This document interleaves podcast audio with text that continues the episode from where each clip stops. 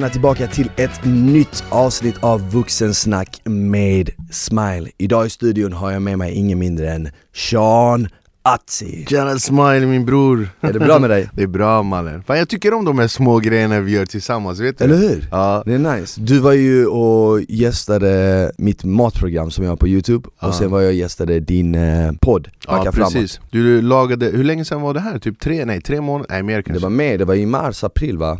Där någon gång. Ja, Fem, fem månader fem sedan. månader sedan. Jag har fortfarande ont i magen av det här lammet. Men det var, det var, jag fick bra respons för det avsnittet, för dels var det, det var ett roligt avsnitt, vi kom in på djupa saker, men sen gillade folk maten också Men det är ju jävligt rasistiskt av dig att bjuda en kurd på lamm med vitlök liksom. Varför då?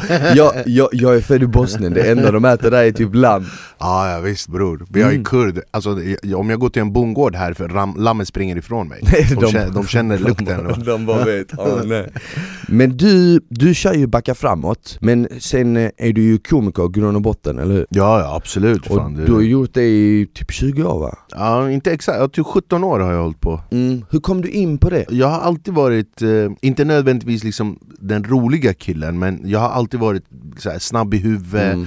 Jag har alltid liksom svar på tal direkt Vet vet du hur mycket stryk jag har fått på grund av det när jag var liten? Du vet de äldre grabbarna Det är så? Ja, ja fy fan, jag har alltid varit så snabb Men sen så, eh, jag jobbade inom restaurang rätt länge, var trött på det Jag drog till New York när jag var typ eh, 22-23 där drog jag till New York och bara var där liksom Vadå, vad var tanken med New York? Var det typ att åka på semester eller var Ja, det att stanna? Nej, tanken med New York var bara, alltså, typ, när jag var 23 år gammal, jag gick, jag gick igenom lite, lite hårda tider. Och då eh, hade jag en släkting som var tillsammans med en tjej som var halvsvensk, halv amerikansk Pappan var från New York. Så han bara 'Fan vi ska till New York, följ med. Så liksom kommer ifrån saker och ting så kan du bara chill, så chillar vi där tillsammans. Eh, Jag skulle vara där en månad ungefär, ett par veckor eller en månad. Så det slutade med att jag träffade en tjej där. Mm. och jag stannade där ett halvår. Jag har alltid älskat stand-up, alltid älskat humor. Humor är en jättestor del, alltså familj och släkt. Min pappa är så fett rolig, hans bröder är alltså jätteroliga liksom Men när det gäller just stand-up och, och konstformen stand-up så, så väcktes intresset i New York faktiskt Där var jag på massor av klubbar och du vet, du vet de är så råa där liksom Ja. de,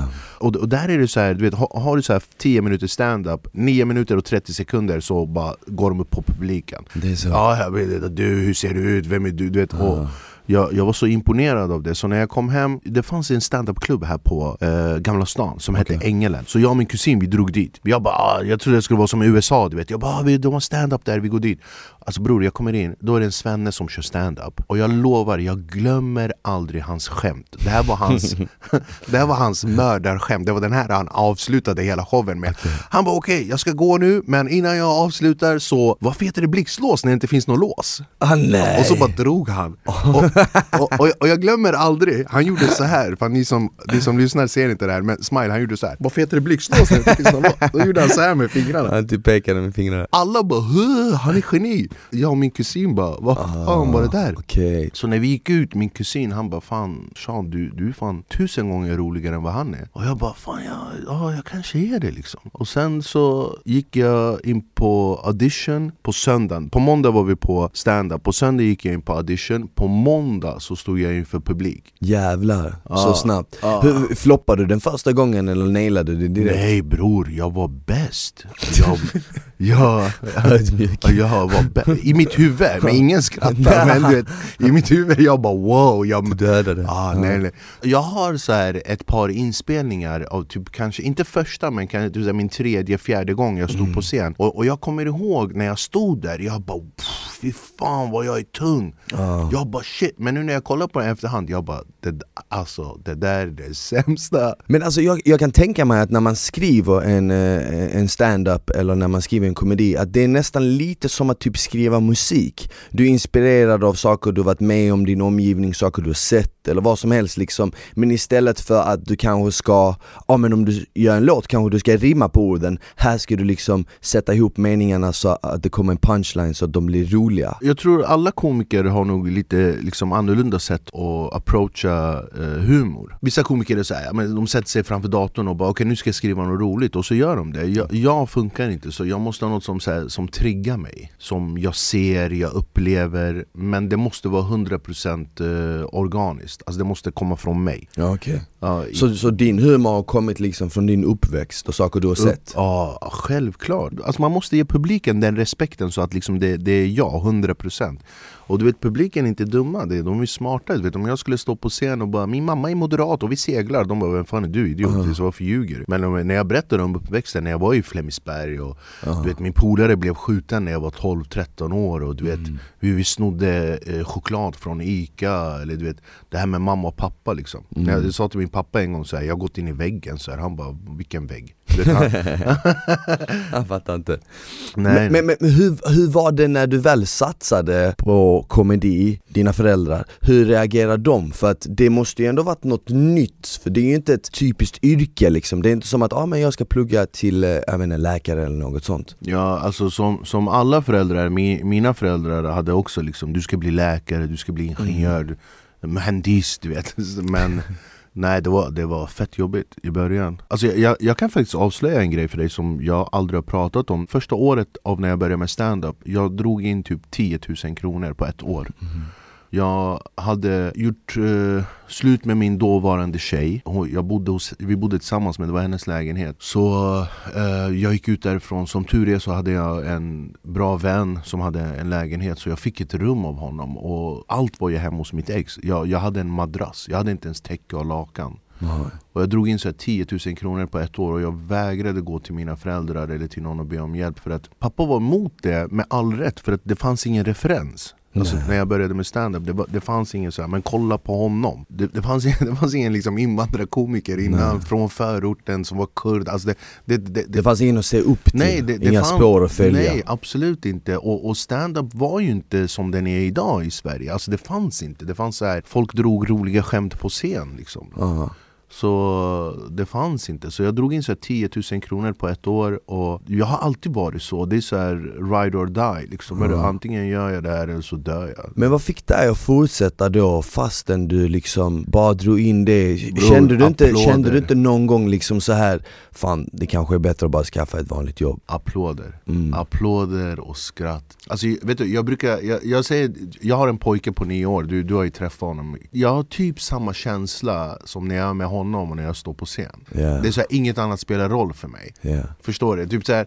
världen kan brinna och gå under men är jag med min son, jag bryr mig inte Och jag har no. typ samma känsla när jag står på scen Världen kan gå under men om jag står på scen och skrattar tillsammans med folk och får folk att skratta Det spelar ingen roll uh. Det ligger någonting magiskt i att ha en tanke och så skriver du ner det och du bara fan det här tycker jag är roligt Och så står du inför 600 pers och den här lilla tanken du har får alla i det rummet att vika sig av skratt det, yeah. det ligger någonting magiskt i det Vem, Vad är den största publiken du uppträtt för? Jag körde Kungsträdgården för så 40 000 människor Jävlar! Ja. vad, är, men vad är skillnaden mellan att göra det för liksom 30-40 000 pers och göra det för 30 pers? Det känns ju som att det egentligen nästan borde vara svårare med en mindre publik för att det är så mycket intimare, eller? Tvärtom Tvärtom, ja, att det är lättare? Ja, det är mycket lättare med mindre publik Stand-up ska ju upplevas intimt, alltså yeah. Det ska vara nära, det ska vara här och nu. Det är svårt, om inte omöjligt, att skapa den, den intimiteten med större publik. Jag hade min Backa framåt föreställning i Stockholm mm. eh, Och då sålde vi tre shower på en dag wow.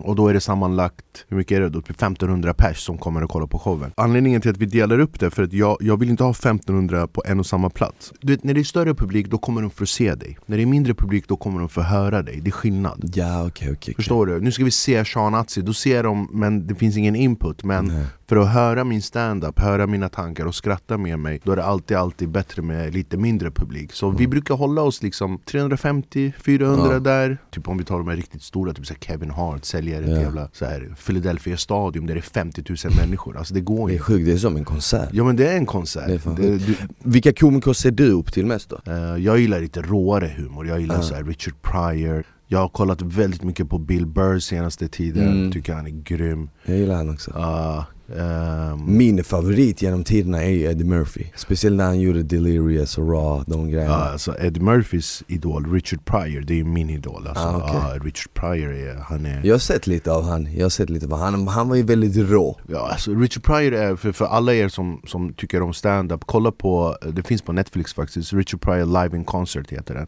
Titta på den, jag tittade på den i typ 10 minuter, första gången jag såg den, jag tittade på den i 10 minuter, sen stängde jag av den Jag blev så deprimerad, jag blev så ledsen Jag blev faktiskt, jag är helt seriös, jag bara fan, jag är ingen är så komiker grym, alltså. eller? ja, Men Dave Chappelle är ju också typ Ja, ansedd som det största nu kanske, eller? Det största ren stand-up är Dave Chappelle Dave Chappelle är alltså, han har nått en nivå där man inte egentligen ska nå som komiker. Nej okej. Den här inputen han har, inte bara liksom samhället utan hur, hur, humormässigt, alltså hur han lägger till humor i saker och ting. Man, alltså, eh, Jag är helt seriös nu, man ska inte vara så bra. Eh, Vet du vem skidåkaren eh, Ingmar Stenmark är? Ja, Ja exakt, du vet han var så bra så de ändrade på slalomreglerna på grund av att han var så bra du vet när han åkte slalom, var, du vet, inte bara att det inte fanns konkurrens utan han, han krossade ju allt och allting Så de bara, men för att det ska vara någorlunda du vet, tävling så Ja. måste vi ändra på reglerna ja för, att han var så grym för att liksom. han var så bra. Ja, men du vet, han vinner världscupen och så kommer kungen bara 'Hur åker du så fort?' Han bara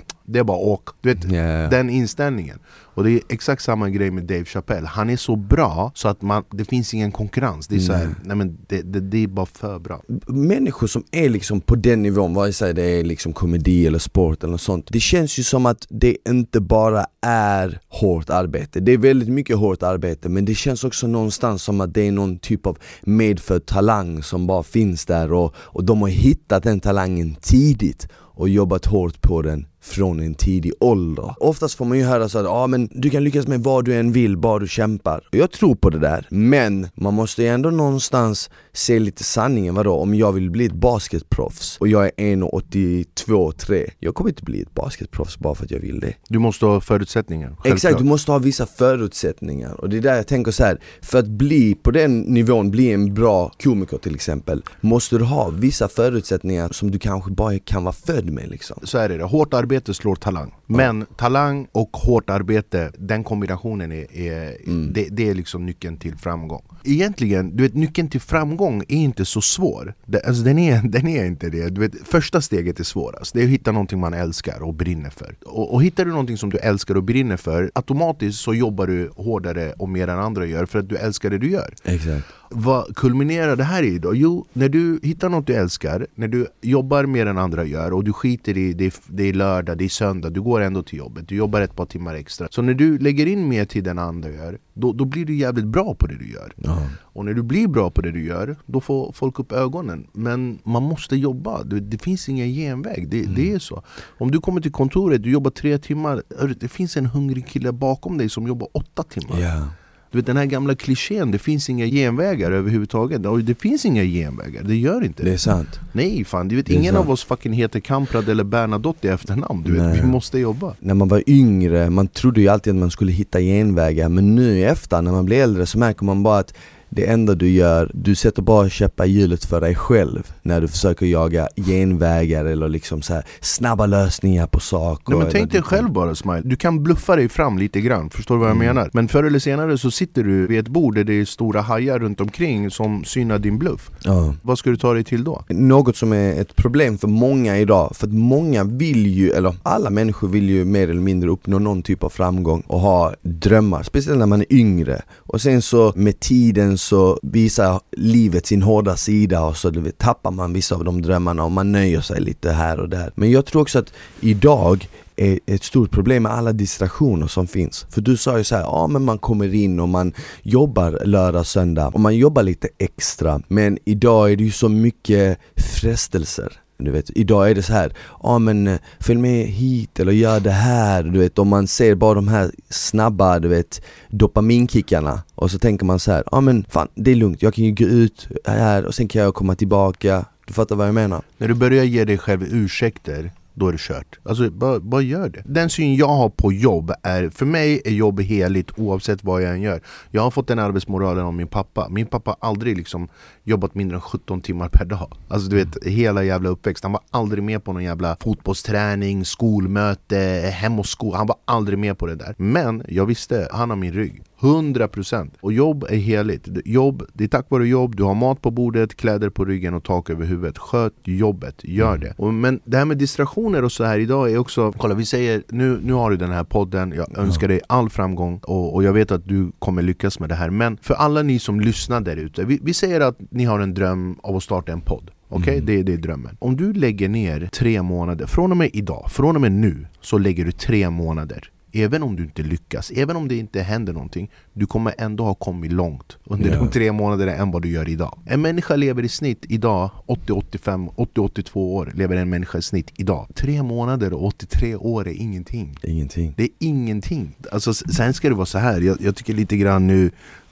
Folk har ju lite så orealistiska drömmar. Mål och drömmar ska ju fortfarande vara lite realistiska tycker jag. Ja men jag tror också att folk har, jag vet att jag har haft drömmar som egentligen inte är mina Ja. Utan drömmar som jag egentligen köpt av någon annan, typ genom en film eller genom Och idag kan jag tänka mig att det är väldigt vanligt typ via sociala medier. Definitivt. Du vet såhär, du kollar och så ser du någons liv och så tänker du jag vill ha det där livet. Men en dröm som jag hade när jag var yngre var att bli skådespelare. Och sen fick jag en roll i en serie och så märkte jag att okej okay, shit Alltså själva replikdelen och den delen, det är typ 5% av jobbet De andra 95 är en väntan, och, vänta. och ja. läsa manus, och sitta ner och ja, vänta ja. på att bli sminkad och testa olika kläder det är lite som, jättemånga vill bli polis för de tänker oh jag ska rycka ut med bilen, jag får använda ett vapen, fan vad häftigt Sen bara inser du att okej okay, shit 90% är pappersarbete bakom ett skrivbord Och 99%, 99% har aldrig skjutit vapen liksom. Nej exakt, exakt det... E- eller till exempel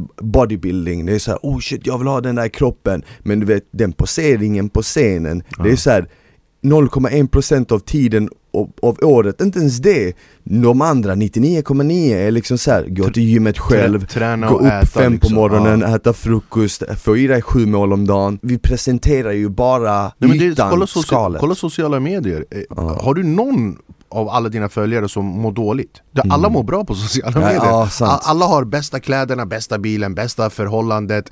Åh, ja min värld, vi är ute och man bara Ulan hur många värld mm. har du? Du byter värld varje vecka. uh, men det är så här, det är så här, oh, vi, det, ingen mår dåligt på sociala medier och de som mår dåligt, då tänker man så här, ah, fan, hon är, hon är jobbig, han är jobbig, han är jobbig, det är bara ta bort. Kolla jag ska ge dig, jag ska ge dig bästa exempel mm. på hur människohjärnan funkar och, och det här hände mig bara typ fem veckor sedan Jag skulle åka ut till mina föräldrar, Flemingsberg, då är det en trafikolycka och jag ser liksom ambulans. Och jag, jag tänker så här, jag bara ah, fuck nu kommer jag vara sen. Istället för att tänka så här, oh, herregud, fan, jag hoppas ingen har skadat sig, jag hoppas att de mår bra. Du vet den tankesätten yeah. ska du ha. Men jag tänker, ah, fan nu kommer jag bli sen, vad fan är det som har hänt? Vi är så inne i oss själva, vi är så inne i vad vi vill, vad jag vill, vad ska jag, vad ska jag, jag, jag, jag, jag, jag, jag. Och det är tyvärr på grund av det här ja-tänkandet som sociala medier ser ut som det gör. Egentligen är sociala medier det bästa, det heter social. Du ska vara social. Mm. Du ska hjälpa, ta del, vara med. Ett, det, det, är socialt, det ska vara tillsammans. Men på grund av det här ja-tänkandet så ser sociala medier ut som det gör. Titta mm. på mig, likea mig, DMa mig, gilla mig. Jag, jag, såg också en intervju där en snubbe som var någon form av psykolog snackade om att det heter ju sociala medier men vad det egentligen har blivit är att det har blivit antisociala ja, medier. Definitivt. För att idag träffar folk varandra mindre än vad de gjorde förr, man pratar mindre, man har ett större behov av att bli omtyckt men inte liksom så face to face, inte höra en komplimang. Det blir du liksom skrämd av, att höra det till dig, mm. i ansiktet. Men att liksom få det via en like, det är mer nice. Och det är lite skrämmande på Kolla, ett min vis. Son, min son är nio, han uh, sitter och spelar Fortnite, ja. uh, spel på, på Playstation. Så sitter han och spelar med sina vänner, han har hörlurar och mick mm. och så sitter de och spelar. Och så Han har en, en jättebra kompis som heter Abbe. Och så har den här Abbe, han har någon kompis som min son inte känner. Så de blir vänner på Fortnite. Ja. Och de spelar med varandra någon timme här, någon timme där. Och min son kommer och bara Baba, baba, uh, han, han, är min nya bästa vän. Du vet håller han på ja. så här. Och han har aldrig träffat den här killen. Och de spelar kanske en veckas tid, någon timme här, någon halvtimme där. Och sen då är det den här, min, min sons polare, det är Abbes födelsedag. Då ska den här här killen komma som min son är polare med som aldrig har träffat. Så jag kör min son till födelsedagen och jag utan att tänka, jag bara vart är den här, han heter Carlos då. Han bara, jag bara vart är den här Carlos? Och min son bara, jag vet inte baba För han har ju aldrig träffat ungen. Nej, ah, ah, Han har ju aldrig träffat ungen. Ah, Och då slår det mig, jag bara what the fuck är vi på väg man? ah, det är fan sjukt. Ja, så jag säger till Abbe då, jag bara Abbe hämta Carlos. Och så när han kommer då är jag så här, jag, bara, ja, jag, jag blir tvungen att så här förmedla. Ja Carlos, det här är min son Kian, Kian, ja, ni har ju Ja, ja, ja. Och då blir de så här kompisar. Ja, exakt. Men när vi kommer dit, jag bara var är din polare Carl? Han bara jag vet inte babba, för han har aldrig träffat killen. Men han har spelat med honom i en veckas tid. Jag kan tänka mig att det också är rätt vanligt när det kommer typ till förhållanden idag. Jag kan tänka mig att många kanske redan är tillsammans innan de har träffats. Jag, jag vet inte, men man har ju sett det i programmet, det kanske också är unika Men det känns som att vi rör oss typ såhär, ja men du vet någon har chattat med någon som bor i Kanada och själv bor de i Sverige Och så har de chattat under ett års tid och här känner de kanske sig lite ensamma. Lite såhär men de 90 days fiancé. Ja men typ, men de får den här uppmärksamheten och kärleken av dem i Kanada och de och samma Och sen så träffas de och ja, antingen blir det bra eller inte eller så blir det en sån catfish scenario. Du vet, där man måste springa. Men det känns ju också som en sån grej som börjar bli rätt vanligt att man typ såhär, ja men du vet, hookar via typ sociala medier eller liksom så. Ja alltså det, det är så, alltså det har blivit så Jag är lite Det mer finns- old school på det viset. Nej jag är fett old school när det gäller sånt där, alltså Mm. du förstår inte, jag, jag är fett old school när det gäller sånt där. Mina föräldrar har varit gifta över 40 år mannen. Mm. Och än idag, du vet min mamma och pappa de så håller varandra i hand, går på Ja. bio, går ut och äter. De är skitgulliga, jag hatar dem. Ja men det är som, mina föräldrar har varit gifta i typ 30 år. Och oftast när man säger det till folk, de bara ah men de tillhör liksom den gamla skolan Nej, fan, det det, det, vet du vad skillnaden är min broder? Förut så gifter man sig när man lär känna varandra, nu skiljer man sig när man lär känna varandra du vet, det, det, det, allting, vi- Vi är så stressade med allt, inklusive kärlek. Det ska gå fort, det ska vara Åh jag bara föll för henne direkt och jag älskar och hon älskar mig och nu ska vi Och så du vet ett halvår senare man bara wow wow wow vad fan hände? Det, nej det här var inte alls vad jag ville och då är liksom konsekvenserna större Och då har man liksom involverat tid, man har involverat känslomässigt, kanske liksom vad som helst flytta. Ja, men du vet folk som kommer så här, du vet bara Vi har känt varandra en vecka, vi ska flytta ihop Man bara är du dum i huvudet? alltså, vad är det för fel på dig? Men jag tror en grej som liksom sabbar många förhållanden idag, jag tror att det finns för mycket alternativ Jag vet inte, men mina föräldrar liksom träffar varandra, de bodde ju liksom så här fem kilometer från varandra Gick i närliggande skolor, du vet, det, alltså det var så här. om du träffar någon idag och ni börjar bråka, istället för att försöka lappa ihop det så är det enklare nästan såhär, ah, vet vad? Jag går Vi vidare. kanske inte passar med Jag går jag går vidare. vidare och det blir nästan lite som, eh, du vet så här, en swipe-funktion fast i verkligen, men eh, okej det är bra Fattar du vad jag menar? Swipe-funktion i verklighet, fan vad roligt Det känns som Du, att nej Nej Du- men exakt. Ja. typ lite så, och som du säger, allting ska gå så fort Om det inte klaffar fort direkt, så är det fel Men sen är det också så här, har, man, har, man verkligen, har en kvinna verkligen behov av en man? Har en man verkligen behov av en kvinna? Vi säger våra föräldrar till exempel. Det fanns ju så oskrivna regler. Liksom så här, ja, men en man ska jobba, tjäna pengar, vara liksom, eh, styrkan, han ska vara den. En kvinna ska liksom, ta hand om familjen, ta hand om barnen, vara heden och, och, och så vidare. Och, och om någon av dem inte skötte sig, typ vi säger så här, men mannen skötte inte sig, han liksom drack och, och vad fan som helst liksom. Då gick man till mannens familj och sa hörru lyssna, antingen eran son, han sköter sig och tar hand om eh, min dotter, tar hand om eh, barnen eller så kommer vi ta vår dotter härifrån, så fuck off. Och det var konsekvenser, det var stora konsekvenser. Men idag, med all rätt, mannen har ju sin sociala nätverk, jobb och tjäna sina pengar. Kvinnan exakt samma sak. Alltså, Jag vet inte hur jag ska förklara, du vet när man har allting, allting bra i sitt liv Ja. och, och då är det svårt att placera in en kvinna eller en man och säga okej fan, för att grejen är känslomässigt behov, det är bara tillfälligt. Jag behöver kärlek och sen måste man uppehålla den här kärleken. Du vet efter ett halvår, ett år, det är inte samma sak. Då krävs det lite mer, lite mer och det är då folk bara nej, jag orkar inte. Nej, jag orkar okej. inte tända den här kärleken igen, jag orkar inte liksom eh, vad fan som helst. Jag, jag, jag bara pallar inte och då är det mycket enklare att bara säga, vet du vad? Du gör ditt, jag gör mitt, så, så hörs vi liksom. Jag har ju en teori, jag snackade om, eh, vem var det jag pratade här med? Det var någon tidigare gäst som jag pratade med om att jag tror att i framtiden så kommer folk leva singla och vara singla allt längre Jag har en teori om det, jag tror att precis som du sa, förr behövde liksom, man behövde varandra Men nu så känns det som att folk rör sig lite mer mot en period var man, man trivs med att vara singel för man behöver ingen. Vill man träffa någon så kan man göra det, men man behöver inte ha något seriöst. Man behöver liksom inte så här ha giftermål och allt det där som kommer med det. Men titta bara hur, hur, hur familjedynamiken ser ut idag jämfört med 20-30 år sedan. Den liksom bilden av en mamma, pappa barn, mm. hus, hund och våld, alltså den finns inte längre. Nej. Den, den, den, den är, det, är så, det är så en liten procent som har det. Ja. Jag är född och uppvuxen i Flemingsberg, jag har bott här på Söder i, i 16 år, 15-16 år har jag bott på Södermalm. Alla är singlar, alla är eh, eh, karriärinriktade, alla, inklusive mig själv. Alltså nu, jag, jag säger inte det här, jag är exakt likadan. Min sons mamma och jag, vi separerades när Kian var knappt ett år gammal. För att det, det var exakt samma grej, det gick för fort, vi hann inte med allting, det funkade inte. Men jag fick min son och jag, jag skulle gå igenom allt det där tusen gånger om om jag visste att jag får min son. Så, så på det sättet är det inget, men jag är också, jag är singel, jag bor i stan, jag har inga tankar på att stadga mig, gifta mig, jag har min son i mitt liv. Varför känner du så? Att du inte har några tankar eller planer på att stadga dig? I mitt fall är det nog en kombination mellan att eh, jag vill inte liksom starta någonting som kan fucka upp det jag har. Okej Alltså visst, det finns ju en risk att det kan bli tusen gånger bättre också, absolut. Sen så, det var sån dålig separation med min sons mamma så man är fortfarande lite rädd liksom. Man tänker så här, ah, fan tänk om det inte funkar. Och sen så, det absolut största faktorn till att jag drar mig ifrån och ger mig in i någonting Det är ju, jag är inte ensam, jag har min son att tänka på.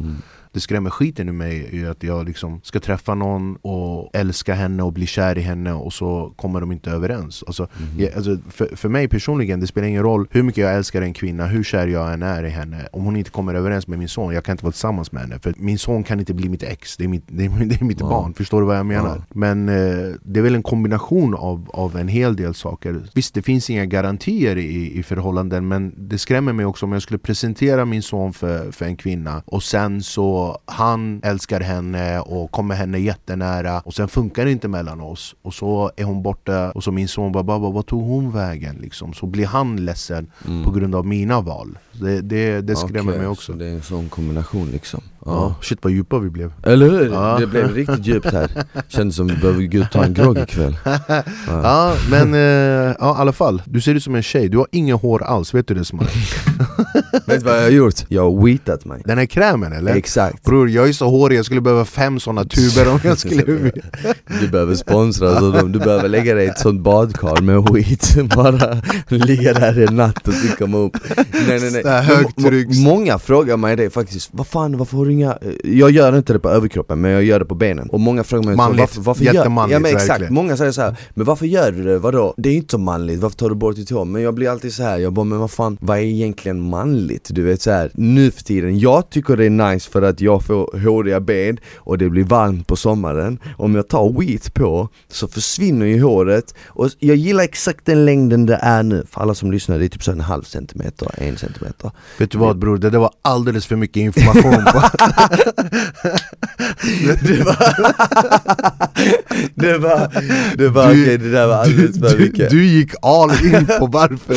Nej, men, men eh, Sean, vad hittar alla som lyssnar, vad hittar de podden? På youtube? Yes, vi har min talkshow som heter Backa framåt som är på Youtube under namnet Sean Atzi och sen Instagram Sean Atzi och jag börjar med säsong nummer fyra. Av eh, Backa framåt börjar jag spela in i september. Och sen så har jag faktiskt en jätteprojekt som jag inte riktigt kan avslöja. Så nej men det, det, det, det händer grejer hela tiden. Vi har ju liksom vårt produktionsbolag Ja. som du också är involverad i. Ja, så, men det händer grejer hela tiden. Och det, det är det jag älskar med media faktiskt. Att det finns inte bara en grej du kan göra. Och nu speciellt under coronatider när man inte kan åka ut på turné. Och ja, alltså för alla, alla ni som har, alltså jag vet jag saknar att stå på scen. Det, det är så Jag blir genuint ledsen när Du jag drömmer på- om Ja. det kan du tänka mig. Jag lovar, jag- Alltså jag, shit, jag jag, på jag blir genuint ledsen när jag Ja. tänker på det. Men jag kan tänka mig, alltså hade jag jobbat med komedi och varit van vid att resa runt och köra stand-up för folk i hela landet och sen helt plötsligt bara kommer en regel som säger så ah, nej ni får inte vara mer än 50 pers. Det här resandet och, och sånt där, det är den jobbiga delen. Men alltså den timman du står på scen, mm. den är helt magisk. Men kan man inte göra typ så här virtuell stand-up.